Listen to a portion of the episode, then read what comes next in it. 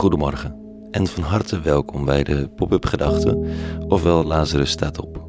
Ik ben Rico, ik ben een beetje verkouden zoals je kunt horen en ik schrijf overwegingen om de dag mee te beginnen. Vandaag met de titel Dat je niet zomaar gelooft wat je zegt dat je gelooft. Pop-up Gedachten dinsdag 2 november 2021.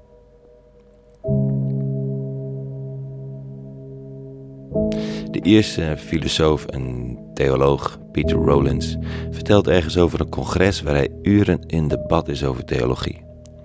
Op een gegeven moment vraagt iemand uit het publiek aan hem: Peter, je praat de hele tijd over theologie, maar ik hoor niks over de opstanding. Geloof je eigenlijk wel in de opstanding? Nou, dat is een vraag hoor. Het is een lakmoesproef voor de ware gelovigen. Als Pieter hierop ontkennend staat zou antwoorden, staat hij buiten de gemeenschap van gelovigen. Want kan, maar heeft hij dan nog iets te zeggen? Erkent hij de opstanding, dan hoort hij er gewoon bij, ondanks al die dwarse, radicaal-theologische uitingen die hij doet. Hij vertelt dat hij zich realiseert dat het misschien tijd is voor een bekentenis. En hij zegt: Nee, natuurlijk geloof ik niet in een opstanding. Iedereen die me kent weet dat ik niet in een opstanding geloof. Elke keer als ik een dakloze voorbij loop die hulp nodig heeft.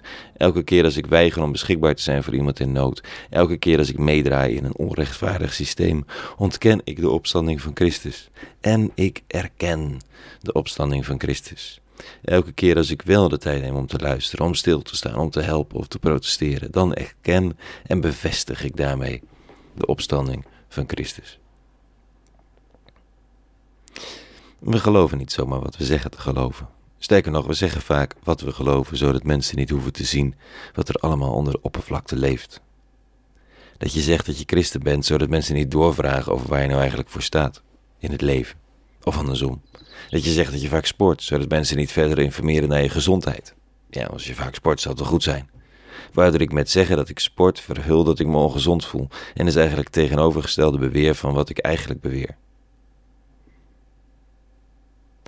Het verrast me elke keer weer bij het lezen van de oude teksten van christendom hoe ze gefocust zijn op, de, op het in praktijk brengen van de idealen. Al die kritiek op kerkelijke hypocrisie. Al die mensen die afhaken van de kerk omdat ze niet doen wat ze zeggen. Of omdat je niet door mocht vragen. Daar werd de dominee ongemakkelijk van.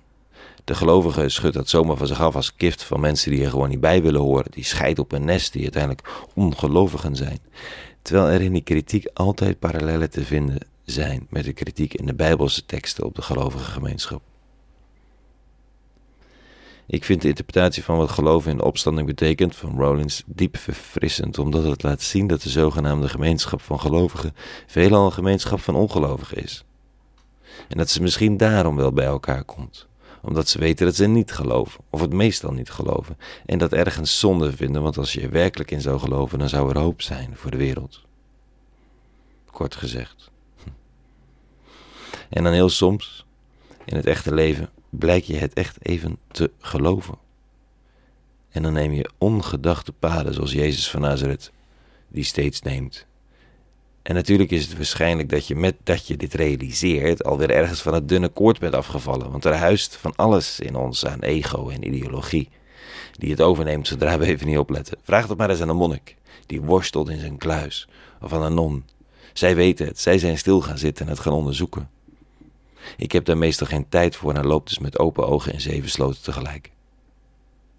Niet eens al te problematisch als ik het maar weet en besef dat het dan tijd is om te herbronnen, stil te staan, koers te verleggen of simpelweg pas op de plaats te maken. En is zo'n Rollins gedachte nou een beetje bijbels eigenlijk? Of is het leuk bedacht door iemand die er eigenlijk toch al niet meer in gelooft? Vanochtend staat er dit in de lezing. Een fragment uit een brief van Paulus aan Jezus volgens de Rome. Hij schrijft, zijn wij één met Jezus geworden door het beeld van zijn dood, oftewel gedoopt, dan moeten we hem dus ook volgen in zijn opstanding. In de overtuiging dat onze oude mens met hem gekruisigd is. Daardoor is aan het bestaan in de zonde een einde gekomen, zodat we niet langer aan de zonde dienstbaar zijn. Want wie gestorven is, die is rechtens vrij van de zonde. Nou, dat is best wel een beetje Roliaans. Degene die gelooft, daarop heeft die hele ego-business, dat wegkijken van de nood van mensen, dat in jezelf gekromd zit, geen vat. Ergo, Ik geloof het meestal niet, in het echt. Maar wel soms even. En dat is zo bevrijdend en noodzakelijk dat ik mijn leven wil wijden aan het ontdekken wat het betekent om dit te geloven. Tot zover vanochtend. Een hele goede dinsdag gewenst. Morgen weer een nieuwe pop-up gedachte. En voor nu vrede gewenst. En alle goeds.